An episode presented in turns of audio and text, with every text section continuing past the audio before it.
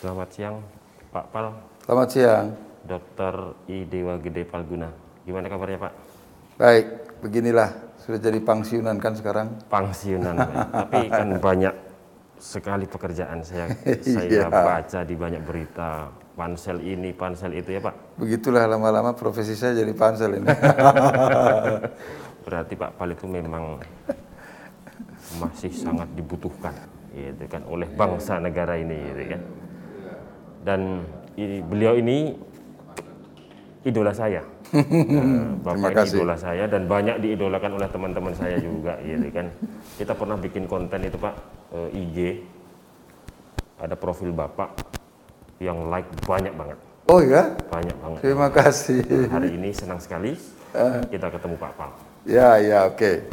ada ada hal penting yang yang pengen saya tahu dari Pak Pal. Tapi sebelum itu Apa ya? mesti Oh iya betul betul Kan betul udah vaksin tiga kali kan? betul betul betul. Kita copot saja supaya semakin jelas kita punya suara. Nah itu dia. Kopinya Pak? Oh iya, ya, ya terima kasih. Yuk, yuk. Gimana gimana? Soal yang menarik itu soal judicial review Pak Pal. Tapi karena beberapa waktu kemarin MK itu memutus soal uji formil, ya kan? Ini yang menarik jadi soal uji formil. Tapi kita nggak nggak nggak akan masuk perkara, Ya, ya. iya nggak? Karena kita nggak boleh bicara Oh, soal betul perkara. betul. Ah. Uji formil sebetulnya menurut ini kan Pak Pal ini kan hakim konstitusi dua kali periode. Jauh sebelum itu Pak Pal adalah juga pelaku sejarah Ya, perubahan undang-undang dasar. Nah, ada satu pertanyaan Pak Pal yang sekarang ini muncul. Ini soal uji formil undang-undang. Nah, uji formil undang-undang itu em, orang bilang dulu tidak pernah dibahas di perubahan undang-undang dasar hmm. tahun 2000 2000 2001 gitu kan.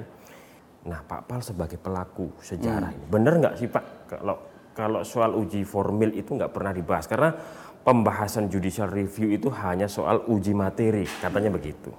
Oke, terima kasih ya. Gini, sebenarnya ketika kita berbicara, eh, satu dulu, Ya. Pertama dulu, satu hal dulu, ketika kita berbicara tentang judicial review, nah, yang dalam banyak hal juga berarti constitutional review, Ya. atau eh, sebenarnya asal muasalnya adalah eh, apa namanya eh, pengujian undang-undang dalam pengertian kesesuaiannya dengan undang-undang dasar itu Ya. itu em, mu- pasti akan menyangkut soal formil maupun materialnya. Nah, jadi itu soalan dulu yang pertama. Nanti akan saya lanjutkan berbicara di situ. Ya. Kemudian yang yang kedua, kalau dikatakan dalam pembahasan itu, katakanlah tidak ada.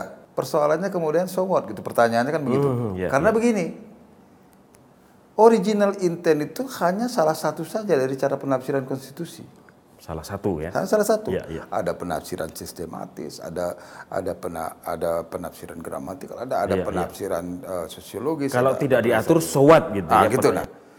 Misalnya kalau karena begini, saya selalu mengingatkan, saya salah seorang pelaku dari perubahan undang-undang dasar, tapi saya bukan orang yang menganut original intent. Hmm, Karena saya selalu suka mengutip ucapan dari Jed Rubenfeld, ada seorang ahli hukum tata negara yang mengatakan bagaimana mungkin pikiran orang 300 tahun yang lalu kemudian itu digunakan untuk menilai situasi masyarakat pada masa kini Ya. Dan pikiran yang dipakai 300 tahun yang lalu itu adalah hasil pengendapan dari suasana yang terjadi pada waktu itu digunakan untuk sekarang. Kalau cara berpikir itu diterapkan itu adalah sebuah skandal besar katanya. Skandal besar. Ya skandal besar kan Iya. gitu Anda mengatakan begitu. Iya, iya, iya. Itu betul. Dan Casey Ware sendiri kan sudah mengatakan juga bahwa konstitusi itu adalah hasil resultante dari berbagai kekuatan politik pada waktu konstitusi itu dirumuskan. Jadi dari sisi pandang itu saja sesungguhnya andai kata pun tidak ada persoalan eh, pembahasan itu, terus apa? Iya. Gitu misalnya. Karena original intent itu bukan bukan apa nah, apalagi memutlakan. Iya. Itu hanya salah satu cara Jadi penafsiran. saya boleh katakan gini Pak Pal. Jadi walaupun katakanlah nggak Hmm. pernah dibahas, tapi kemudian 20-30 tahun kemudian Hmm. Itu kemudian muncul aturan itu nggak ada masalah. Nggak ada masalah. Nggak ada Nggak ada masalah. Apalagi, nah ini yang kedua yang mau saya katakan. Iya. Apalagi secara teori, kalau kita berbicara tentang judicial review, tidak mungkin kita akan berbicara tentang hanya hanya berbicara material judicial Hmm. review, karena pasti akan kita berbicara tentang formal judicial review. Kalau dilihat dari aspek kesejarahan Pak Pal, Nah, Marbury versus Madison, kalau kita Oke, sering ya. mengatakan itu, akhirnya kan kemudian em, ruang lingkup pikiran kita kan bicara soal materi. ah, Nah, apakah kemudian atau kira-kira kapan ya eh, uji formil itu kemudian dipraktikkan? Kalau melihat dari aspek kesejarahan kan Ma- judicial review Ma- materi. berarti material. gitu. Nah, begini, kita judicial review itu memang betul kalau dilihat dari prakteknya. eh, ini loh, eh, yang pertama kali menerapkan memang betul di Amerika Serikat. Mengapa di situ? Ya, Karena jangan lupa dia itu dalam model pengujiannya berangkat dari kasus konkret. kasus konkret. Nah, oleh karena itu pasti materi lah yang anu gitu kan. Iya. Dan itu pun jadi perdebatan panjang 1803. Tetapi sejarah judicial review kalau eh, dikaitkan dengan pemikiran terbentuknya Mahkamah Konstitusi di Eropa itu kan berbeda. Hmm, Berbeda. ya, Nah, berbedanya itu apa? Berbedanya itu karena juga pengalaman sejarahnya juga eh, lahirnya eh, eh, judicial review itu juga memang berbeda. Berbeda. Ah, kalau di eh, Amerika Serikat katakanlah itu, itu kan boleh dikatakan memang karena adanya klausula supremasi di konstitusinya ya, bahwa tidak boleh ada undang-undang bahwa konstitusi Amerika Serikat itu adalah uh, supreme terhadap sebuah uh, terhadap undang-undang buatan parlemen dan segala macam kan dan sebuah konstitusi dan perjanjian internasional sebenarnya disebut dalam klausula supremasi itu. Nah, tetapi kasus yang di, di, di kebetulan kasus pertama yang diputuskan uh, sebenarnya ada sih beberapa kasus yang lain tapi yang monumental itu adalah 1803 itu. Iya. Itu adalah bicara tentang materinya yang dianggap Materi, bertentangan iya. dengan undang-undang dasar. Nah, kalau di Eropa, katakanlah ketika Kelsen dianggap sebagai titik tolak pemikirannya, ya, itu kan menyangkut baik pembentukannya Hmm. maupun eh, isinya. itu sudah berarti Kelsen itu sudah bicara soal Sudah formil bicara sudah formal karena apa? Karena di situ dia yang di, dia mengapa dia berbicara tentang eh, tentang eh, formil dan dan material itu? Karena yang di situ dia memang niatnya adalah untuk mengimbangi kekuasaan parlemen. Hmm, ya, ya. Mengapa begitu? Karena dua Eropa kan dua kali mengalami apa namanya perang dunia itu karena apa namanya? Eh, mengapa itu dia? Karena pertanyaan yang agak mengganggu dia waktu itu adalah bagaimana sebuah rezim yang lahir dari suatu protes demokratik kok melahirkan rezim yang otoriter? Ya, Makanya ternyata setelah diselidiki itu adalah dari pembentukan undang-undangnya. Hmm, Nah, misalnya yang kedua yang paling tampak kan pada zaman Hitler, yang kemudian yang tadinya adalah ber- uh, kalau tidak salah adalah tadinya adalah berupa perintah, kemudian- dijadikan undang-undang. Nah, undang-undang, ya ini yang kemudian um, bayangkan dari dari sebuah instruksi tadinya misalnya, lalu tiba-tiba jadi undang-undang. Itu apanya tuh?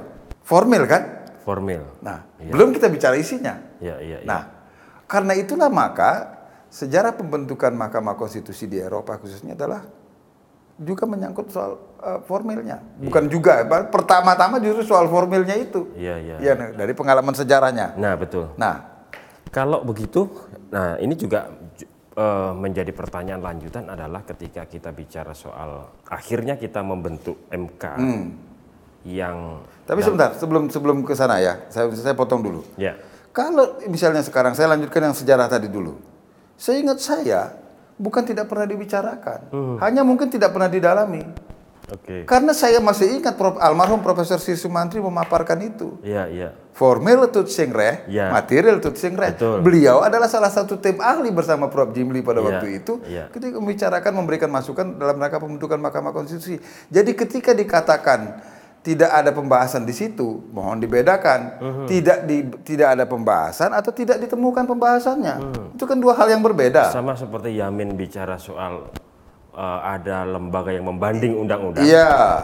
Tapi kemudian tidak direspon, Itu, tidak ya. dibahas lebih dalam. Uh-uh. Tapi kan apa namanya? Ya itu tadi Pak Pak Pal. Prof Sri Sumantri menyampaikan soal itu. Tapi kemudian para pengubah undang-undang dasar termasuk Pak Pal em, tidak melakukan pendalaman lebih lanjut dari Iya, ke, ke, ke soal proses pengu- formil itu. Ya, ya, Menga- formil. ya, mengapa itu tidak direkam pendalaman? Karena diskusinya itu sudah lebih mengarah kepada pengalaman sejarah ketika di bawah rezim Orde Baru, di mana Hmm. tidak ada lembaga yang bisa menguji undang-undang itu, karena akhirnya lahirlah banyak undang-undang yang isinya bertentangan dengan undang-undang dasar. Ya. Itu yang mungkin membelokkan eh, apa namanya apa eh, eh, fokus diskusi pada waktu itu sehingga eh, arahnya adalah justru kepada arah bagaimana melahirkan undang-undang yang tidak bertentangan dengan undang-undang dasar.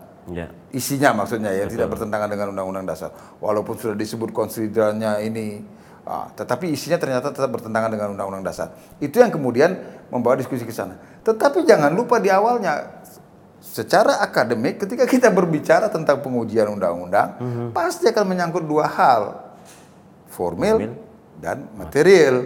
Kalau Pak Pal sendiri Pak, dulu Hmm. ketika pernah nggak menyampaikan atau mengikuti satu dua kalimat atau satu dua sesi rapat yang menyebut soal uji formil itu, atau mungkin malah Pak Pal berpendapat gitu ya soal uji formil. Saya ingatnya itu adalah ketika Profesor Sri Sumantri menyampaikan pemaparan itu. Hmm, Tapi saya sudah tidak ingat lagi saya berpendapat apa soal itu. Kalau Iya. kan sebab eh, menurut saya eh, itu adalah eh, bagi kita ya, saya kita berasal dari orang akademik. Bagi Iya. kita itu adalah sudah diskusi yang memang sudah biasa. Sudah biasa. Su- Sudah biasa karena eh, apa namanya? se- Sejak sebelum jadi anggota MPR pun kita yang belajar hukum tata negara memang sudah ada pengujian Iya. uh, sudah berbicara tentang uh, pengujian undang-undang uh, terhadap undang-undang dasar itu. Iya. Kalau kita berbicara tentang negara hukum yang demokratis pada waktu itu kan sudah begitu. Betul. Nah, cuma pada waktu itu memang selalu di, di, di bangku kuliah, di kampus maupun di, di akhirnya di, di forum politik itu, yang selalu menjadi perdebatan pada waktu itu kan sebenarnya tuntutan untuk pengujian itu baik formil maupun material kan sudah ada sebelum masa reformasi. Hmm. Maka cuma karena tuntutannya begitu kencangnya sebelum reformasi kan cuma dibuka kerannya untuk hal-hal apa namanya pengujian itu dilakukan bersamaan dengan kasus kasasi Hmm. dan itu pun untuk uh, peraturan yang berada di bawah undang-undang kan? Karena itu lewat perkara jadi apa namanya uh, sudah sangat dibatasi pada waktu itu gitu ya. Nah oleh karena itu maka sesungguhnya mengapa persoalan pengujian formil itu tidak menjadi uh, katakanlah misalnya uh, pokok bahasan yang menyedot perhatian gitu pada waktu itu? Iya. karena kan memang ya secara apa namanya kita sih tidak mempunyai data yang pasti tentang itu ya. Tapi secara faktual persoalan yang lebih seri- sering terjadi itu kan persoalan materialnya Ya. yang bertentangan dengan undang-undang dasar. Betul. nah itu yang paling sering terjadi. Bukan berarti kemudian formilnya menjadi tidak penting Tidak tetapi isinya itu yang le- lebih sering me- me- apa, menimbulkan persoalan kan gitu. Iya. sehingga natural saja kemudian kalau orang kemudian lebih banyak berbicara tentang itu Sisi pada pada si- sisi sisi materialnya bukan Iya. berarti formilnya tidak penting gitu ya. Nah, kemudian kan persoalan formil itu lalu menjadi menjadi penting. Nah, justru ketika orang mungkin sadar tentang itu ketika merumuskan undang-undang eh, undang-undang tentang Mahkamah Konstitusi Iya, kan. Nah justru itu pertanyaannya Ah. Bapak. Ah. Makanya ketika ada orang, eh, oke lah eh, di pembahasan eh, tidak ada original intent soal uji formil Hmm. antara 2000 du- 2000 2001 gitu kan, kan perubahan ketiga ya Pak Hmm. soal MK ini kan. Tapi kemudian em, di undang-undang MK seperti yang Pak Pal katakan justru di situ muncul. Hmm. Justru di undang-undang MK itu muncul gitu. Nah, apakah kemudian em, apa namanya justru di dalam pembahasan rancangan undang-undang MK itu baru ter cetus gitu kemudian Sebenarnya bukan tidak begitu. Kalau saya sih nggak melihatnya seperti itu. Ya. Karena memang taken for granted secara akademik memang Pak ketika bicara pengujian undang-undang pasti bicara aspek formil dan sekaligus aspek material. Oke, ya. Bahwa dalam perdebatan itu adalah aspek materialnya yang lebih menonjol, iya, karena Hmm. kasusnya kan memang itu. Karena ada yang mengatakan begini, Pak. Ini ini bukan pendapat saya, tapi ada ada yang mengatakan begini. Karena ke- em, check and balances yang dilakukan oleh MK itu ya sesuai dengan aspek kesejarahannya ya soal materi, soal urusan membentuk undang-undang itu urusannya pembentuk undang-undang. Artinya dia punya kewenangan, punya otoritas di situ. Nah, bagaimana MK mengontrol eh, tadi yang Pak Pal sampaikan di awal, mengontrol eh, proses pembentukan undang-undang, mengawal produk dari legislasi itu ya lewat material, bukan lewat membatalkan proses pembentukannya. Ada yang berpendapat begitu, Pak. Nah, jadi kalau ber- kalau jadi kalau ber- ada pendapatnya begitu, silahkan misalnya setiap hari buat undang-undang cara pembentukan tidak peduli lah misalnya undang-undang tentang pembentukan daerah nggak usah DPD dilibatkan gitu misalnya. Atau tentang pemekaran daerah nggak udah DPD diajak ngomong-ngomong. Gitu apa. yang penting isinya tidak bertentangan dengan undang-undang dasar gitu kan? Iya, iya. Nah, artinya undang-undang itu kita harus terima gitu loh. Padahal prosesnya nyata-nyata bertentangan dengan undang-undang Iya, iya, dasar. iya. karena undang-undang dasar mengatakan bahwa eh, undang-undang apa namanya apa untuk undang-undang yang berkaitan dengan pembentukan daerah apa, pembentukan daerah otonom baru misalnya pemekaran daerah atau penggabungan dan sebagainya untuk daerah otonom itu DPD harus diajak ikut bicara kan Iya, iya, iya, iya. oleh DPR. Oleh DPR. Jadi berarti itu boleh dibuang dong kalau gitu. kalau gitu kan secara kontrario kan gitu jadinya. Betul, betul, Nah, iya. apakah itu namanya negara konstitusional democratic state? Ya enggak. Nah, lagi-lagi Nah, pertanyaannya kemudian secara teoritik apakah nah kalau diterima kalau diterima eh, proposisi bahwa Mahkamah Konstitusi itu di seluruh dunia adalah negatif legislator, persoalannya kemudian adalah adakah seorang ne- apakah negatif legislator itu hanya menyangkut isi saja? Kan gitu. Ya. Kalau negatif legislator yang menyangkut isi saja, positif legislator mestinya gitu juga dong. kan gitu. Betul. Nah kan? Logikanya kan jadi aneh kalau kita mau membicarakan seperti itu gitu loh. Iya, iya. Nah, negatif legislator itulah justru ketika peran Mahkamah Konstitusi yang dikatakan sebagai negatif legislator itu muncul, maka inilah yang kalau tidak salah siapa yang mengatakan ya Alex Stone kalau saya mengatakan itu.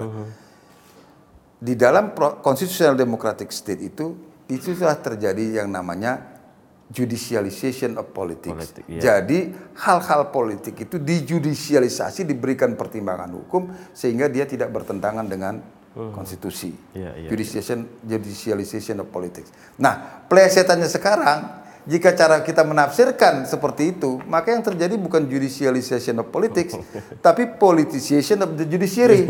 Ah, itu kan jadi repot kita Ah, mempolitisasi pengadilan jadinya gitu. Iya, iya. Ah, ini Nah, sebe- menyangkut dengan itu juga Pak Pal. Sekarang em, judicial review atau kalau bahasanya Profesor Jimli itu kan constitutional judicial review karena dasar pengujiannya adalah konstitusi. Nah, sekarang kalau uji formil undang-undang itu sebetulnya dasar pengujiannya kan harusnya juga undang-undang dasar. Oh iya. Nah, di mana? Di mana itu eh, menjadi tolok ukur? Di mana atau ketentuan yang mana di dalam undang-undang dasar itu kemudian menjadi dasar pengujian? Karena pertanyaannya begini, Pak Pak. Kita harus bedakan antara dasar pengujian judicial review itu konstitusi dengan dasar pertimbangan katanya begitu. Dasar pertimbangannya boleh undang-undang pembentukan peraturan perundang-undangan karena eh, konon undang-undang pembentukan peraturan perundang-undangan itu kan derivasi dari undang-undang dasar soal proses pembentukan. Nah ini bagaimana ini Pak Pal? Dasar pengujiannya, dasar pertimbangannya. Kalau kemudian undang-undang pembentukan peraturan perundang-undangan dijadikan dasar pengujian, kan menjadi tidak tidak match gitu. Ya, Eh, saya bisa memahami eh, jalan pikiran itu. Tetapi begini, di dalam namanya yang dasar pertimbangan hukum itu, itu memang di dalamnya termasuk dasar konstitusionalitas maupun dasar pertimbangan untuk ini ya. Uh, makanya ada argumentasi hukum itu boleh saja mau memasukkan. Betul. Itulah sebabnya bahkan jangankan undang-undang hukum internasional juga boleh diambil di situ. Hmm. Prinsip-prinsip hmm. hukum juga masuk di situ kan begitu. Ya. Nah, pertanyaannya kan begini. What does it mean by the constitution? Apa yang dimaksud dengan konstitusi itu? Hmm yang dimaksud dengan konstitusi. Ketika kita menanyakan apa yang dimaksud dengan konstitusi, pertanyaan itu sendiri adalah sudah mempertanyakan persoalan apa itu penafsiran konstitusi. Hmm. Yeah. Apa itu penafsiran konstitusi? Yeah. Nah, penafsiran konstitusi itu sebagaimana saya tulis juga di beberapa tulisan dan berkali-kali saya sampaikan dalam berbagai pertemuan saya katakan hmm. dengan mengutip uh, pendapatnya Whittington, Kate Whittington mengatakan bahwa penafsiran konstitusi itu bukan sekedar mencocok-cocokkan ketentuan-ketentuan yang terdapat dalam konstitusi kemudian dengan praktek dengan undang-undang dan sebagainya bukan yeah. itu persoalannya yeah, yeah. tetapi adalah ikhtiar untuk memahami gagasan-gagasan yang terkandung dalam konstitusi dan bagaimana cara mewujudkannya hmm. oleh karena itu maka di situlah sebenarnya kembali ke pertanyaan tadi. Di situlah apa yang dimaksud dengan konstitusi. Undang-undang dasar kita, aturan peralihan di ayat 2 di ayat 2 aturan peralihan itu tegas mengatakan dengan dilakukannya perubahan undang-undang dasar ini, maka undang-undang dasar Republik Indonesia terdiri atas pembukaan dan pasal-pasal. Iya. Kalau pengujian undang-undang itu adalah salah satu sarana Mahkamah Konstitusi untuk melakukan penafsiran konstitusi, nah, maka Mahkamah Konstitusi harus melakukan penemuan hmm. untuk menemukan apa namanya dasar pengujian formil itu. Iya, iya. Tanpa harus merujuk, tanpa harus menyebut kepada ininya apa kepada turunannya. Iya. Turunannya mungkin itu adalah sebagai bukti dari hasil temuan Mahkamah Konstitusi. Iya. Ini loh buktinya di dalam undang-undang tentang pembentukan peraturan perundang-undangan. Iya, iya, iya. Tapi dasarnya sendiri harus ditemukan dalam konstitusi melalui apa? Melalui penafsiran konstitusi. Iya. Nah, itu bisa dilihat bukan hanya bagaimana cara menafsirkan konstitusi. Nah, itu ada yang ada tiga kaidah dasar itu. Hmm. Pertama yang harus dilihat adalah prinsip unity of the constitution. Yeah. Konstitusi sebagai satu kesatuan. Satu kesatuan. Yang kedua adalah yang namanya practical coherence. Hmm. Koherensi praktisnya. Nah, kan gitu. Yeah. Nah, nah nanti kemudian uh, uh, uh, yang ketiga baru kemudian bekerjanya konstitusi itu sendiri. Hmm. Nah, ketiga hal ini nggak boleh lepas satu sama lain. Ini ada satu satu kesatuan.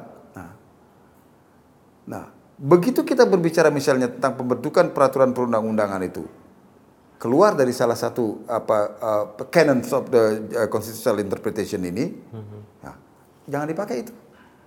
Hmm. Jangan itu dipakai. Yeah. Dan mestinya secara logika pasti hasilnya juga akan berbeda dengan uh, undang-undang yang hendak dijadikan sebagai turunan dari uh, cara pembentukan itu. Nah, hmm. pertanyaannya sekarang, misalnya dari hasil penafsiran konstitusi itu, andai kata itu kemudian ternyata konkordan atau paralel dengan cara pembentukan undang-undang uh, yang dimuat da, dimuat dengan yang dimuat dalam undang-undang tentang tata cara pembentukan peraturan perundang-undangan iya. itu.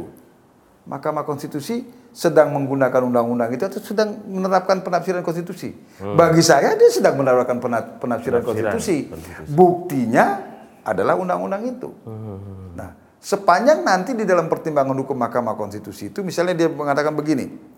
Pertanyaannya kemudian yang harus di, di, dipertimbangkan oleh Mahkamah adalah bagaimanakah uh, di manakah dapat ditemukan dapat dapat ditemukan prinsip atau ketentuan atau kaidah baik ya, secara eksplisit maupun implisit yang menyatakan bahwa pembentukan undang-undang dasar yang konstitusional adalah begini begini begini. Hmm. Nah, barulah kemudian masuk pertimbangan mahkamah di situ. Yeah. Masuk pertimbangan itu lalu dengan seluruh pertimbangan mahkamah di atas kemudian terbukti dari hmm. penafsiran pembentuk undang-undang yang menyatakan misalnya begitu. Iya, iya, iya. Atau dengan penafsiran tersebut di, di atas maka penafsiran pembentuk undang-undang sebagaimana disebutkan adalah keliru. Boleh saja kan? Iya. Iya. boleh. Boleh, boleh. Walaupun dia tidak undang-undang itu sendiri tidak menjadi tidak tidak menjadi objek pengujian. Iya. Tapi kan penafsiran yang dilakukan itu keliru. Nanti kan mungkin orang lalu tergoda untuk menguji itu kan soal lain. kan nanti putusannya bukan soal undang-undang itu, bukan yeah. soal undang-undang tentang pembentukan peraturan perundang-undangan itu, tetapi adalah menemukan uh, cara mahkamah menafsirkan konstitusi itu mungkin itu. yang yang belum digali. Ini yang saya dari dulu sebenarnya sangat saya inginkan dan se- sebenarnya di beberapa kali pertemuan Pak pernah Pal saya sebagai itu. hakim konstitusi dua periode ketika ada perkara-perkara uji formil yang begini-begini ini sudah disampaikan. Karena sekarang ini kan begini Pak, Em, soal proses pembentukan undang-undang, undang-undang dasar tidak secara Ya. eksplisit menyebutkan. Dalam beberapa putusan MK kemudian dikatakan itu kemudian diderivasikan ke uh, undang-undang pembentukan peraturan perundang-undangan. Nah, yang menarik tadi itu sebetulnya em, di konstitusi itu dasar pengujian apa namanya proses pembentukan undang-undang itulah yang harus ditemukan. Nah, saya hanya membaca eh, bacaan saya terhadap undang-undang dasar itu kalau soal proses pembentukan undang-undang itu kira-kira hanya ditemukan di pasal 20 Oh iya, bahwa dan itu kan sangat sumir. Ya, sangat sumir umum gitu kan, bahwa proses pembahasannya DPR bersama-sama dengan Presiden harus mendapatkan persetujuan Ya. bersama, gitu kan kira-kira. Tapi kemudian tadi itu masih sangat luas. Ya, itu gay, itu clue yang diberikan eh, oleh Undang-Undang Dasar secara eksplisit. Ya. eh, keturunannya walaupun sumir, isinya adalah itu. Iya, Pertanyaannya kemudian adalah gagasan apa yang melatar belakangi lahirnya rumusan itu? Kan itu. iya, Inilah. Ketika kita bertanya tentang itu, maka kita harus mempertanyakan hal yang lebih mendasar. Gagasan konstitusional apa atau konstitu- konstitusional desain macam apa sebenarnya yang dikehendaki oleh Undang-Undang Dasar 1945? iya. Nah, pertanyaan itu kemudian harus dijawab di mana kita dapat menemukan gagasan itu. Nah, ini lalu membawa kita kepada model konstitusi.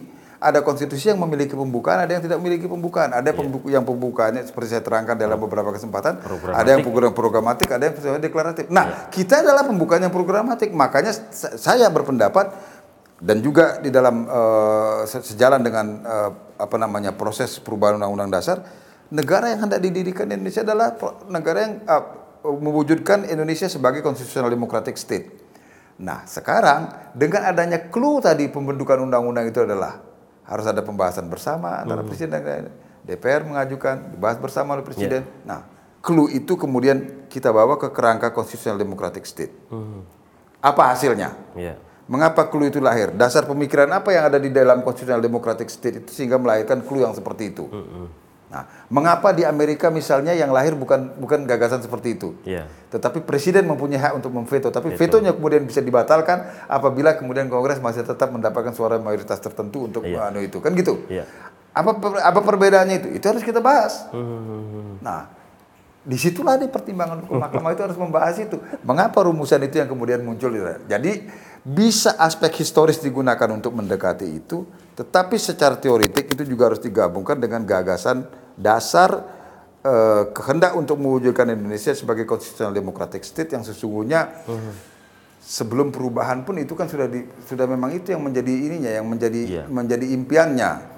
Karena negara berkedaulatan rakyat itu kan itu. Iya. Nah, negara berkedaulatan rakyat itu kan sama dengan negara demo- demokratis. Nah, demokratis atau negara de- demokratis atau negara demokrasi itu kan kemudian banyak kritik. Nah, nah, kritik itu terutama yang paling keras misalnya dari Aristoteles dan sebagainya. Itulah yang akhirnya melahirkan perkembangan constitutional democratic state khususnya setelah mulai akhir abad ke-20 sampai abad ke-21 itu.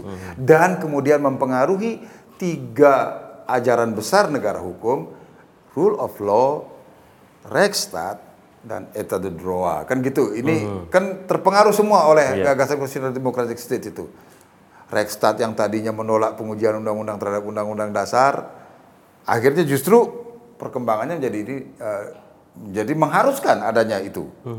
Makanya di Jerman kan sekarang mulai muncul pemikiran yang mengatakan kita bukan Rechtsstaat lagi sebenarnya. Yang disebut adalah Verfassungsstaat katanya. Kadang udah berado kan gitu. Demikian juga di Inggris perkembangan Inggris rule of law yang tinggal yang uh, ada diterapkan dengan me- me- uh, di, di- di- diwujudkan dengan memperlakukan prinsip supremasi parlemen itu diterapkan di Inggris, tetapi di Amerika Serikat dengan lahirnya Marbury versus Madison dit- diterimanya prinsip supremasi kon- konstitusi jadi sangat berbeda rule, gagasan rule of law-nya. Padahal idenya sama dari rule of law. iya, nah, demikian juga di Prancis. Di Prancis kan sama sekali menolak campur tangan pengadilan terhadap ini. Ya. Jadi menolak sama sekali prinsip judicialization of politics itu. Iya. Ah, oleh karena itu, uh, tapi kamu kemudian Prancis menerima bahwa konstitusi memang harus supreme. Cuma agak berbeda dia. Di, makanya dia tidak mau tetap menempatkan itu di pengadilan, tapi dia membuat Dewan Konstitusi itu. Dewan Konstitusi. Gagasannya adalah apa? Dewan Konstitusi ini dikonstruksikan sebagai bagian dari parlemen. Dengan demikian maka dia tetap dia dianggap tidak me- melanggar prinsip trias politika itu kan gitu anunya. Iya. Tetapi yang saya maksudkan kemudian adalah bahwa dengan pergeseran itu maka ajaran eta de droit yang tadinya mutlak menolak pengujian undang-undang terhadap undang-undang dasar juga diterima pada akhirnya di Prancis hanya hanya model pelembagaannya aja yang berbeda itu loh nah Iya, iya. ketika kita berbicara tentang formal formal judicial review, apalagi kemudian merujuk pada ketentuan tentang tata cara pembuatan undang-undang yang sudah clue-nya disebutkan dalam undang-undang pasal 20 dan sampai 22 dan seterusnya itu. Nah, bagaimana mungkin kita melepaskan dari gagasan konstitusional democratic state yang seperti itu? Iya, Maka pertimbangannya suka atau tidak harus memang agak mendalam ke sana. Betul. Berarti sebetulnya Pak Mal setuju nggak tadi dengan da- da- ini dasar pengujiannya harus undang-undang dasar. Oh, setuju. Undang-undang pembentukan peraturan pen- perundang-undangan itu dasar pertimbangan. Iya, makanya saya, saya katakan Betul. dengan dasar pertimbangan itu misalnya bisa saja Mahkamah mengatakan eh, pembentukan undang-undang pembentukan peraturan perundang-undangan ini bisa inkonstitusional. Inkonstitusional.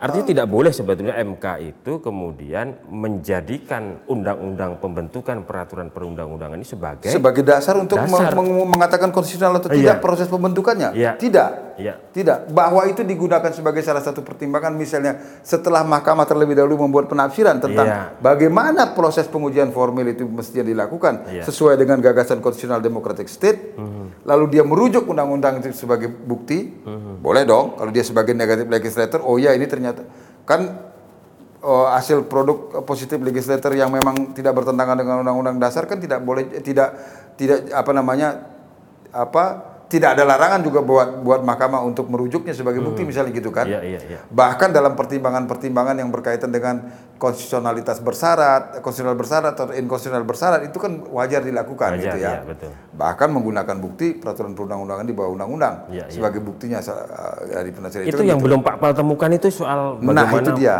apa namanya Itu memang juga penemuan hukum Ya, yang itu yang memang saya juga belum eh, ketika saya saya dua kali juga di Mahkamah Konstitusi ya seingat saya saya belum pernah atau kami pada waktu itu, kami itu maksudnya ketika saya masih berada di situ, Iya. belum pernah menemukan kasus-kasus yang dalam tanda petik menuntut mahkamah untuk sampai memikirkan dasar pertimbangan yang anu seperti itu. Iya. Karena begini, secara secara faktual gitu ya, ya saya sering mengatakan di di mana saya di tulisan mana saya mengatakan itu.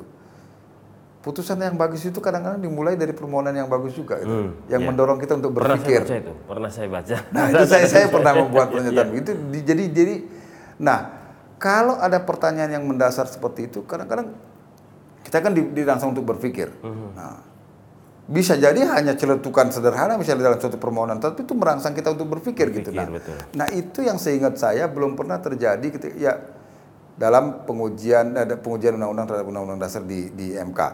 Mungkin disinggung-singgung saja begitu saja, tapi kemudian dalil pemohon juga sumir sekali umpamanya gitu ya. Iya. Ya gitu kan tidak merangsang kita untuk ini ya. Lalu mungkin mengabaikan. Nah, sekarang mengapa perdebatan itu muncul? Karena kan ada mahkamah mengabulkan permohonan kemarin ini kan. Untuk pertama Untuk kalinya. pertama kalinya mahkamah misalnya walaupun menyatakan inkonstitusional bersyarat ya Iya. dan masih uh, memberlakukan itu. Bagi saya itu tidak masalah. Tetapi kan kemudian ini sebuah sebuah sejarah ya Iya. sebuah sejarah. Sejarah. Nah, itu sejarah yang yang nantinya akan jadi pegangan buat eh, apa putusan-putusan mahkamah berikutnya ketika berbicara tentang eh, eh, Ya. pengujian formil sudah. Tetapi ya saya tidak bermaksud mengkritik eh, putusan mahkamah dalam soal yang ini ini. Memang harusnya harus digali dasar dasar apa namanya dasar pertimbangan mengenai uji formil itu memang harus di ini supaya tidak timbul keraguan. Betul. Nah, karena dasar inilah kemudian jadi rujuk. Bayangkan, ketika mahkamah buat kali pertama ketentuan tentang legal standing di pasal uh, apa 51 itu kan uh, uh, itu tadinya masih juga boleh dikatakan sumir. Iya. Nah, khususnya tentang bagaimana kita merumuskan kerugian konstitusional itu kan. Iya. Baru Itu kan di- kemudian diputus oleh putusan mahkamah beberapa kali yang sampai sekarang kemudian dijadikan sebagai rujukan baku oleh mahkamah. Nah, pertanyaannya kemudian bolehkah mahkamah mengubah pendiriannya pada suatu? Boleh. boleh. Tetapi yang jelas argumentasi mengapa mahkamah berubah itu yang harus yang harus jelas. Jangan kemudian ini berubah berubah jadi zigzag nak karu-karuan gitu ya. Itu yang tidak boleh. Tapi nggak boleh juga berubah terlalu cepat. ya. Oh iya, kalau tidak ada, kalau tidak berubah, ya saya sering mengatakan kalau berubah terlalu cepat itu perubahan Power Rangers namanya kan. itu ya, itu yang saya aneh. Pak Pal, ada pertanyaan menarik. Sebetulnya uji formil undang-undang itu itu mencakup apa saja gitu kan? Ini kan proses pembentukan ini kan panjang gitu kan. Sebetulnya yang boleh atau menjadi ruang lingkup dari uji formil undang-undang itu apa kan gitu. Tapi minum kopi dulu. ya iya, ya, gini, iyalah.